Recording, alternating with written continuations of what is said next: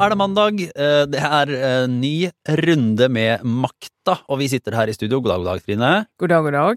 God dag, Kjetil. God dag. God dag, Sara. Hallo. Eh, Vi har jo nå kommet til episode tre av NRK-serien Makta. Eh, Hvis man ikke har sett opptil de to første, så, så, og, og i og for seg den tredje, så, så kan man være klar over at det kommer spoilere. Eh, Men vi lagde jo en episode også forrige uke, så, og kommer til å lage det nå hver mandag framover. For vi syns det er gøy. Vi syns fortsatt det er gøy, gjør vi ikke det? Oi, absolutt. Dette er høytidsstund. Kos. For nå var, det, nå var det altså episode tre, denne store togturen. Den er jo, er jo myteomspunnet, vil jeg si. Eh, Den er jo nevnt i flere biografier, og egentlig det kommer sånne drypp fra denne togturen. Da det skjedde, var det jo ikke så mange som fikk det med seg, bortsett fra de som var der. Men så har det jo kommet i diverse biografier i årene etterpå, så når du legger sammen disse puslebitene, så skjønner du jo at det var i hvert fall litt annerledes enn en valgkampstart i 2023. Det var, det var jo noe som det, var jo, det politiske kom jo fram den gangen, Ja. altså, i valgkampen i 1979, dette med skatten.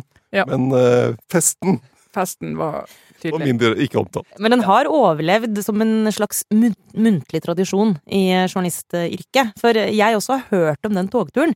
Eh, Nå får vi jo fortalt eh, hele turen sånn mer eller mindre. Vi kommer tilbake til det. eh, Korrekt beskrevet fra liksom A til Å. Fra Oslo til Trondheim. Men, men jeg har hørt liksom, sånne bruddstykker opp igjennom. Jeg liksom, sittet rundt et bord og drukket øl med journalister og hørt sånn Jeg husker det når Oddvar Nordli var så drita på toget. Altså de tingene der. jeg har liksom visst hele tiden at det har vært en eller annen sånn togtur mm, bak tilbake i tid, hvor liksom alle var fulle, og jeg har også antatt at journalistene var fulle, men, men jeg har liksom ikke fått historien fortalt. Eh, Men nå, Lars, Ja, nå for nå, Her tegnes det jo et veldig fargerikt bilde, eh, som, som tidligere påpekt, basert på sannhet, eh, løgn og dårlig hukommelse. Så, så akkurat hva som er sannhet og hva som er løgn, og hva som er en måte, kollektiv dårlig hukommelse fra den turen, er jo litt uklart. og, og det påpekes jo at det er ganske mange som husker eh, lite, eller vil huske lite, fra nettopp den turen. Men det er jo en eh, altså bare sette inn, de, de skal sette seg på toget. Det er på en måte et litt sånn nytt påfunn. Første, på mange måter, et sånn valgkampbusstuntet. og nå er jo det Altså, nå er jo det gjengs. Det er helt vanlig. Ja. Ja, så Ivar Leverås, og han nevner jo det, han partisekretæren eh, da, han nevner jo det, så vidt jeg ser, han har fått litt kritikk for noe han synes det var litt for amerikansk. Ja. De har liksom eh, tatt med seg dette amerikanske grepet med å liksom rulle hele toppdelen av partiet ut eh, fra bygd til bygd og begynne med valgkamp og snakke om politikk. Men nå er jo det ganske vanlig at du blir invitert med på en eller annen sånn gimmick Altså, jeg får jo sånne flashbacks fra ulike sånne bussturer rundt om i en landsdel. Som, eh, altså Noen er jo på en måte én sånn dagstur, andre er liksom over flere dager. Der man er en gjeng med journalister, en gjeng med politikere. Noen typisk politikere hopper av og på underveis, ikke sant? for at det er eh, litt ulike områder. Men man liksom tilbringer enormt mange timer bakerst i en buss. Altså, jeg tror jeg fikk en sånn derre sånn mobiltommel. Altså, Sånn scenebetennelse senebetennelse i sommeren. Ja, fordi jeg satt bak i Erna Solberg sin valgkampbuss i Og spilte Candy Crush, da. ja. Altså, det, er, det, er jo, eh, det er jo ikke Det er jo typisk, det er jo ikke så veldig mye som er nyhetsverdig, egentlig, ikke sant? Fordi øh, Jeg husker ikke om det var en lokalvalgkamp, egentlig, da jeg satt ene denne lange bussturen, men, men øh, politikerne vil jo snakke om lokale saker når de er rundt i landet. Litt sånn som på dette toget, der, der Leverås sier liksom Husk, nå skal vi snakke om lokale saker. Vi har gitt pressen beskjed om at vi vil bare snakke om lokale saker.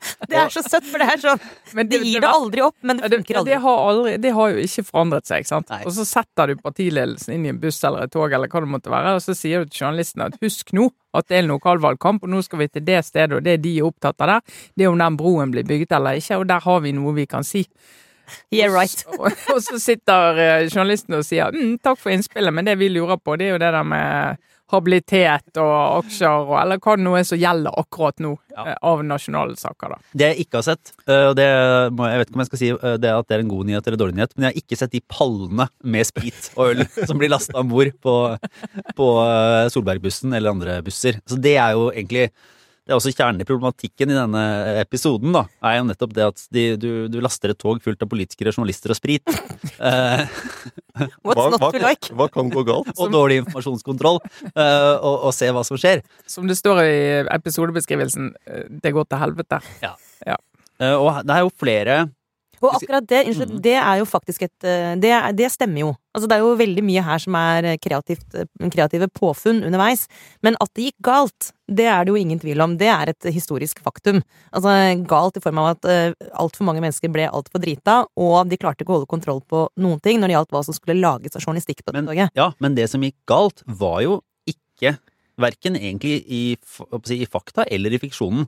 den denne alkoholen. Jeg syns ikke vi skal gi den skylda. For det som gikk galt. det er typisk. Alltid så Ja. blir alkoholen sånn uh, uskyldig tredjepart Ja. eh, for skylda. Men eh, for det var jo problemet var jo Per Kleppes utsagn til NRK om eh, skattereformen som eh, eh, regjeringen jobbet med, og der det hadde vært Reilf Steen, altså partiformannen, hadde vært ute og sagt noen ting, og så kommer eh, Per Kleppe og bekrefter, går langt da i å bekrefte at jo, det blir et rentetak, altså et tak på hvor mye av renter du kan trekke fra på skatten. Og da var jo altså ble hele valgkampen til Arbeiderpartiet bare sporet av pga. den uttalelsen. Ja. Det var før de var kommet godt inn i den pallen med sprit. Og det var jo en, det var også en gjenkjennelig og fin sånn intervjusituasjon. Der han, Jens Solli, NRK-journalisten, som, som jeg, Dette vet jeg ikke helt om er, eh, var sant eller ikke, men i serien så har han jo på en måte tidligere Jo, det hadde han. ja, ikke sant? Han jobba sammen med, med Per Kleppe Ja. Mm. Uh, bruker eh, journalistikkens, et av journalistikkens aller eldste triks, smiger, uh, for å skryte av denne Olsen-mannen. Du kan av og til bli fascinert over hvor mottakelige folk er for smiger. Altså, Fantastisk den rollen du gjorde du i dette dette Ja. tilfellet. Olsenbanden, også veldig vittig. Er det, det er også sant, tror jeg? ja, ja, det, ja det, var, det var jo faktisk et uh, klipp eh, fra. Så han liksom, bruker det. Du vil ikke det. komme her da, sette deg litt med meg og snakke litt mer om hvordan det var å møte disse filmstjernene borti restaurantvogna her? Det er første triks, smiger. Andre triks er på en måte eh, sånn sympati og en sånn forståelse for at det er vanskelig å være politiker. Ja, vanskelig å forklare disse krevende sammenhengene, er det ikke det? Ja. Så sier de ja, jo, ja, jo, ja. Og det er nok bare én løsning. Ja, ja, det er nok det. Ja, nei, og, på en måte det hovedspørsmålet i intervjuet kommer selvfølgelig bakt midt inni. Det er, ikke, det, er liksom, det er ikke første spørsmålet rett på revolver. Her er det en sånn smidig liten løsning å få Per Kleppe ut på, eh, og, og sier noe da som, som eh, ikke er eh, uttalt eller enighet rundt i partiet. Eh, og, og der er jo politikk problemet de får. Altså denne drikkinga og Ja, opplegget går jo egentlig Ja, gang uansett. Bortsett fra, og det skjedde jo også, at eh, statsministeren Oddvar Nordli skulle møte utfordrer Kåre Willoch og Høyre i en debatt i Trondheim dagen, samme dag som de kom frem. Ja, den, den- debatten, Her sitter jeg da med Ja, du sitter bok, med den. Og det, den debatten var på, på NRK den samme dagen, og så Ja. skulle de ha en pressekonferanse i Trondheim Ja. eh, om morgenen etter. Og den, eh, den gikk ikke. Da var, de, da var de ikke helt i slag. Nei. Eh, sånn, statsministeren er ikke helt i slag. Så du kan si at det hadde det ikke vært for Per Kleppes uh, uttalelser, så hadde jo ikke dette fått like store konsekvenser. Men det er klart at det, håndteringen Da måtte det jo ting håndteres, og, og det tror jeg stemmer også med virkeligheten, er at det Akkurat da var det for seint. Da var alle fulle. Uh, og dagen derpå var en dårlig dag for Arbeiderpartiet. Ja, det var her Gro skriver det da slik. Neste dag under pressekonferansen i Trondheim var flere enn én i dårlig form.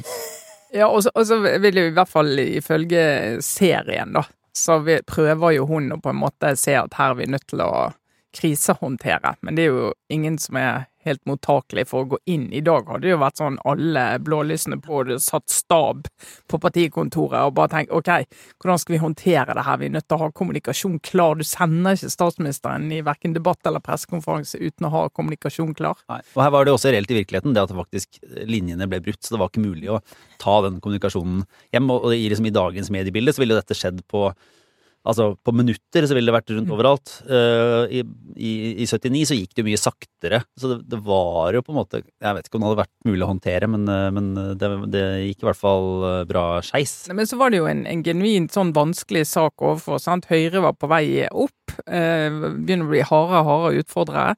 Og dette handlet om folks privatøkonomi. sant? Noe av det som er aller vanskeligst for egentlig alle partier å gå inn i. Alt sammen med bolig og skatt, det vet vi er vanskelig. En grunn til at vi ikke har eiendomsskatt, nasjonal eiendomsskatt i Norge. Det er bare, de, Alle vet at det burde vi hatt, eh, men vi orker, orker ikke. Er upopulært. Sånn at noe av det man har jo gjort, da, er jo å ha dette sånn rentefradrag, da. At hvis jeg har høy gjeld, eh, tvunget av høy gjeld for å låne bolig, så kan jeg få trekke fra på inntekten min, så får jeg en slags subsidiering der. Eh, Men det var jo mye Du fikk jo trekke fra mye mer den gangen enn du får lov i dag, eh, for eksempel. Så var jo det som var diskusjonen, for de trengte jo penger på statsbudsjettet da som nå. Og skulle du gjøre det på den måten, og så tror jeg nok, håper jeg òg, at eh, alle partiene skjønner skjønte at det var riktig å gjøre det, men selvfølgelig Høyre i utfordrerposisjon jeg bruker det til å si at nei, nok et eksempel på at regjeringen ødelegger folks privatøkonomi. Mm. Men var vi, er vi enige, før vi går videre inn i Ja. details her, er vi, var det uredelig gjort av journalisten denne, altså, å gå ut med denne saken? Han visste jo åpenbart, i hvert fall i serien, og jeg vil tro også i virkeligheten, at dette ikke var noe som Kleppe sjøl ønsket å gå ut med. Han ble lurt utpå. Var det, er det greit? Det, det problematiseres i hvert fall ikke i boka til Gro. Altså, der beskriver hun det bare som at uh, han, eh, Jens Solli han kom bort uh, altså Hun og Per Kleppe satt ved siden av hverandre i toget, sånn som vi ser i, i serien også. Og så kommer han Jens Solli bort og vil lage et intervju med Kleppe, og hun gir ham plassen sin. Så der er ikke noe sånn Ikke noe som problematisering av at, han, at I virkeligheten. ble lurt. I serien? Eh, nei, altså jeg tenker Det er én liten detalj som, som jeg mener gjorde at den eh, At det i hvert fall kan fors altså, forsvares. Det kunne kanskje vært gjort uansett, for det er jo Finansministeren må på en måte Du må kunne stille krav om at finansministeren klarer å begrense seg også i en samtale med en åpen journalist om Ja. hva de skal gjøre om konkrete skatteregler. På et valgkamparrangement. Ja, så jeg syns ikke vi skal være så eh, utrolig rause med, med politikerne, men det var også en liten detalj der han eh, Solli sier i serien da, at eh, å ja, nå hadde jeg til og med glemt å sette på opptakeren, det var det bra du minnet meg på, og så liksom setter den i gang, og da er det jo eksplisitt at dette på en måte blir uh, on the record, da. Ja, Jeg er enig i det, men det er en sånn du har en sånn glidende overgang her mellom en uformell bakgrunnssamtale, som man jo også kan ha på et valgkampbuss eller et valgkamptog eller hvor det nå er, til at nå er det et intervju. Og det, han sier det på den måten, så han på en måte sånn I den seriesettingen da, så har han sitt på det tørre. Men, eh, men man skal jo passe litt på det. Ja, og det hadde sikkert blitt dårlig stemning i etterkant, for det er jo en, det er en Jeg vil tenke at det er en journalistisk på en måte seier som kommer med, liksom, med en pris, da. For det, er det forholdet mellom Altså typisk hvis, hvis teoretisk er sånn mellom en politiker og en journalist der dette skjer, så blir det nok en dårlig, dårlig stemning etterpå, fordi at det var litt uklart hva, Ja. det, hva det gikk i. Og så er det jo et element til som vi eh, bare kan nevne kort, og det er jo at den eh, fyllekula eh, Det er noe med at hvis du er på toget som journalist og ikke rapporterer om det, så har du også satt deg i en situasjon hvor du er litt for tett på kildene, sannsynligvis. da, ikke sant? Så det også er et element her, og det, det blir jo rent, bare ren spekulasjon, men jeg tror at vi i dag, hvis liksom Det er jo helt umulig å forestille seg, hvis Jonas Gahr Støre har vært så drita på et pressearrangement at han var helt uforberedt til en pressekonferanse dagen etter, og helt åpenbart altså måtte, så måtte hjelpes på toget, for eksempel, på Lillehammer stasjon, sånn som det skjedde i virkeligheten med Oddvar Nordli, og det hadde vært 15 journalister der, og ingen hadde skrevet om det, da tenker jeg sånn ville vært, da ville ikke de gjort jobben sin, og i dag er det ganske vanskelig å forestille seg. Den gangen så var jo det noe som forble på en måte i gruppa, Mm. eh, og da er du uansett litt for tett på, og det gjør jo den lekkasjesaken med Kleppe litt mer problematisk, da. Mm. For da er ikke premissene kanskje helt så avklarte som de burde være. Ja, for, den, for det er jo den andre tingen, at den festen, som, som også vel ifølge liksom kilder som har fortalt om det i ettertid, eh, opportunt nok sier at det ikke var så Det var ikke sånn ellevilt eh, si, danseshow og klespoker og sånne ting, men, men at eh, som Eva Bratholm vel har sagt, altså det var gamle menn med brunt brennevin og eh, folk som sovna og sånn. Altså jeg mistenker at sannheten ligger et sted imellom. Jo, jo, men du har jo også Gros egen beskrivelse her, da. Ja. Der hun skriver at øh, jeg var kommet meg i seng i rimelig tid, men hadde fått hjelp av konduktøren for å være i fred for pågående mannfolk i togkorridorene den natta. Nettopp. Det Det er jo helt vilt. er så sjukt! Tenk på det! Nestleder! Nestleder og blir utsatt for Vi må jo regne med tafsing og forsøk på tafsing. Må få hjelp av en konduktør for å liksom komme seg gjennom en korridor. Altså, det er absurd å tenke på nå. Det er 40, hva er det for noe, fem snart år siden, og det er ikke så lenge.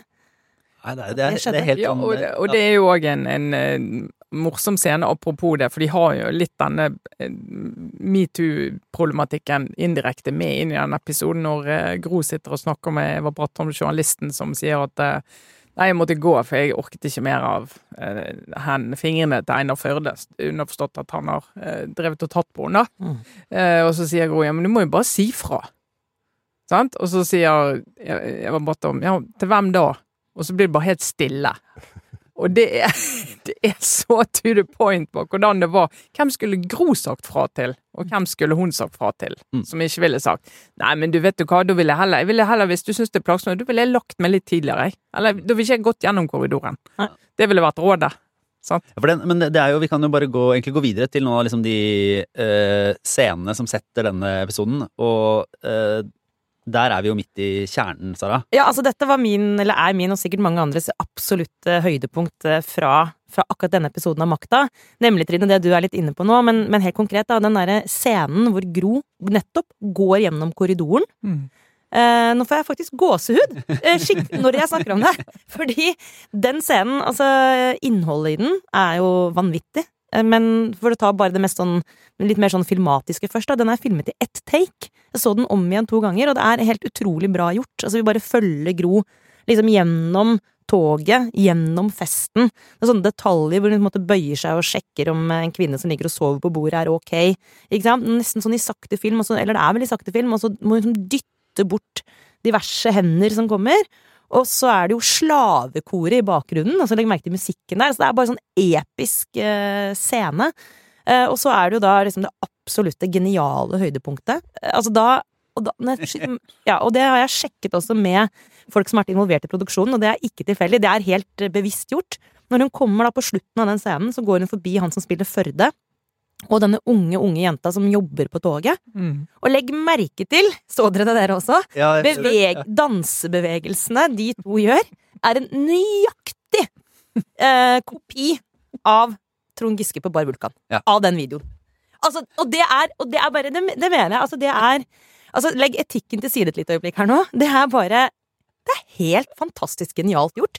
Og det sier egentlig alt om den problematikken du løfta nå, Tine. Mm. Nemlig metoo i norsk politikk. Eh, åpenbart var det et mye større problem den gangen. Men det er en utrolig elegant måte av eh, disse serieskaperne å vise på at, eh, at det fortsatt er en høyst aktuell problemstilling i Arbeiderpartiet og i norsk politikk. Vi kan godt si at det ble tatt et oppgjør med det i 2018, men, og det, det ble det jo. Men liksom, den er jo ikke akkurat Det er ikke løst. Så det, altså, da fikk jeg helt sånn eh, Altså, da, da, var jeg, da tenkte jeg det her er altså terningkast ti, liksom. Hva syns dere? Nei, den, den, det, er, den er, den, er- det, er, bare Det er smart gjort og utrolig stilig og, sånn stilig og liksom sterk scene. For at den er nettopp den derre Ja, de bare uh, vader seg gjennom og på en måte brøyter seg inn for å komme til Altså Egentlig så fortsetter det på en måte, for det går da til, for å komme seg veldig mer sånn i si, sikkerhet eller til ro. Um, og, og så ramler du inn en partileder. Ja, ikke sant? Og her, men, men, og Inn i kupeen. inn i kupeen. Og der er jo hun Hun går for å legge seg. Og her har du også det der grepet vi har sett i de tidligere eh, episodene. ikke sant? De tar dagens, de tar dagens eh, sovekupeer. Ja. De som er eh, ute og triller på skinnene nå. Det er ikke en sånn, De har ikke henta fram et eh, nattog fra, fra 1979 eh, og putter den, den scenen med da Reilf Steen og Gro Harlem Brundtland inni i en sånn dagens eh, togkupé. Og der du får eh, Det er jo det store ryktet på en måte i norsk politikk om de to hadde de på et eller annet tidspunkt et forhold eller ikke. Der, og der Reilf Ralf Steen selv var med på å spre det ryktet. Mm. Og spørsmålet er hvordan skal, skal de serieskaperne håndtere Og, og, bare, og Gro Harlem Brundtland har Har avvist det. Ja. Ja, helt totalt. Alltid. hvordan, hvordan skal de håndtere det? Og så putter de det inn i denne intime eh, scenen i en sånn trang togkupé. Der hun står halvveis avkledd. Ja, og han står og egentlig sier at han har vært med på nå å spre dette ryktet, og det var litt dumt. Men òg gir jo uttrykk for at han Altså, han mener jo på en måte også i kupeen Mm. eh, Altså, det er litt sånn åpent hva som ligger i det, men, Mm. men hun kan jo velge å tolke det som at han sier at han beklager at han har sagt, sagt at det skjedde. Ja. Altså i, i, i den forstand det skjedde. Jeg beklager at jeg eh, Fortalte sa det. fortalte det. Ja. Eh, og liksom nå er vi bare vi to her, vi trenger ikke å late som. Og hun er fortsatt også der, helt Ja, Hun avvisende. hva mener du? Hva skjedde? Ja. Så Altså, sier hun han- er virkelig helt avvisende til hele, hele rammen. Da. Men så sier han men det er bare oss to, oss to nå, Gro. Du trenger ikke å late som. Nå er det bare oss. Mm. Og jeg syns den måten det her gjøres på i serien, er også et veldig godt bilde på hvor vanskelig alle metoo eller mange metoo-saker er, fordi at veldig mye av det som skjer, det skjer nettopp i et lukket rom Mm. mellom to mennesker, og du har to forskjellige beskrivelser etterpå. Uh, og jeg syns at det er en sånn, nok en gang en veldig sånn subtil måte, men veldig sånn sterkt også å vise at uh, Sånn som jeg tolket scenen, da, så kan man godt lese det som at Reiulf Steen gjerne skulle ønske seg at det hadde vært noe mer. Sant? Og den derre insisteringen på at ja, men det er jo noe mer, den er vanskelig å håndtere for den andre parten, og hun er jo, har jo åpenbart omsorg for han, ikke sant. Men oss, liksom, det er en sånn Det kan være nok til at det er opphav til en, virke, et, en virkelighetsforståelse hos Sten, som kanskje bare rett og slett kan godt hende at det er helt feil, men som han på en eller annen måte trenger å tro på. sant? Og det, går an å kjenne seg igjen i òg.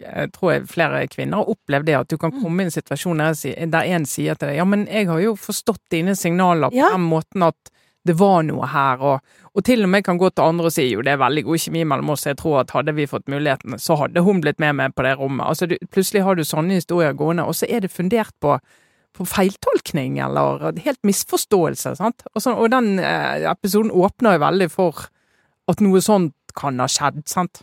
Og så får du også det når da Reiulf Steen går ut av den togkupeen, og så se, ser eh, Einar Førdam i korridoren, Ja. så får du igjen, ikke sant, ok, her, nå er det bare grunnlag for enda flere Ja, feiltolkninger. og der var ryktet der ute, sånn at du får liksom etablert at ok, nå snakkes det. Ja, det, her er jo, det er jo sånn komplisert akkurat å analysere, da, for at nå er det sånn, det som skjedde i serien, det som er fortalt i virkeligheten, og Ja, ja, ja. hva man skal lese ut av det kulturelt, eh, og holde det helt uh, ryddig, er ikke så lett. Men jeg, akkurat bare på serien og sånn dramaturgien, så er jeg litt sånn spent nå på om de har tatt ut på en måte den spenninga allerede nå, eller om det kommer til å liksom leve videre i serien som en eh, så, som en litt sånn åpent spørsmål, eller en For at eh, Ja, de liksom har, har lagt det fra seg, eller hvordan de kommer til å håndtere det videre. Ja, for det som jeg syns er veldig interessant også med det ryktet, da, vi må bare konstatere at det er det det er. Det er, det er ingen som vet hva som skjedde der, men det er ingenting som tyder på at det faktisk var noe. Hvis vi skal på en måte lande på en side av streken, så er iallfall som Hans Olav Lahlum, som skrev den virkelig sånn mest gjennomgående biografien over Reiulf han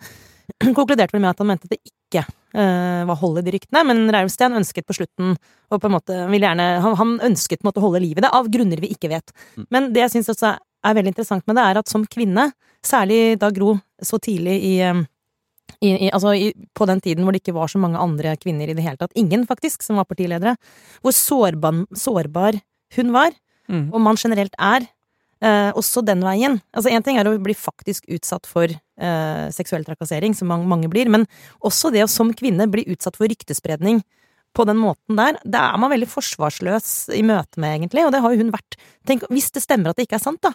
Tenk, fortsatt, liksom. Hun er 84 år gammel, så må hun da bare avkrefte nok en gang, liksom, Ja. at en eller annen fyr ønsket og forestilte seg, og ville veldig sterkt at det skulle være et rykte der ute om at, at hun var liksom åpen for seksuelle tilnærmelser fra han. Da. Hvis det ikke er sant, syns jeg bare er Altså, det er så tankevekkende, da. Hvordan du Det er veldig, ja. og jeg syns nesten det er sånn at hun skal svare på det nå. Hun har svar på det, hun har avvist det, og hun skal slippe å spørres mer om det. Mm. Altså det eh, tenker jeg eh, må være utgangspunktet. Uh, Runa, eller fortsette med bare noen få andre sånn eh, favorittscener. Jeg må bare si jeg hadde en sånn medfølelse, journalistisk medfølelse med Eva Brattholm-karakteren i uh, det intervjuet med, med Olvar Nordli, eh, der uh, altså statsministeren sitter og skal spørres eh, med liksom eh, vakre jorder i bakgrunnen, som han åpenbart måtte, lengter tilbake til og, og måte gir han eh, energi. Men der hun sitter, og så sitter, sitter og er i ferd med å få ham til liksom Han er i ferd med å si at han ja, nesten kanskje bare burde gi seg. Eh, jeg kan kjenne den følelsen at du sitter og gjør et intervju om og et eller annet, du er nesten får noe spennende, og så har du det helt på kroken, liksom. Og så bare sånn og så bare enten skjer det noe, eller bare går det i en helt annen retning. Så, Eller kommer en rådgiver og sier 'nei, men jeg tror Ja, vi setter strek her'. Men her er det, her er det da Oddvar Nordli som begynner å synge sammen med disse arbeiderkompisene fra Stange. Men det er bare det derre Å ja, nei, det var eh, Ja, og så eh, er det jo en favorittscene helt i starten når de oppsummerer de syv s-ene.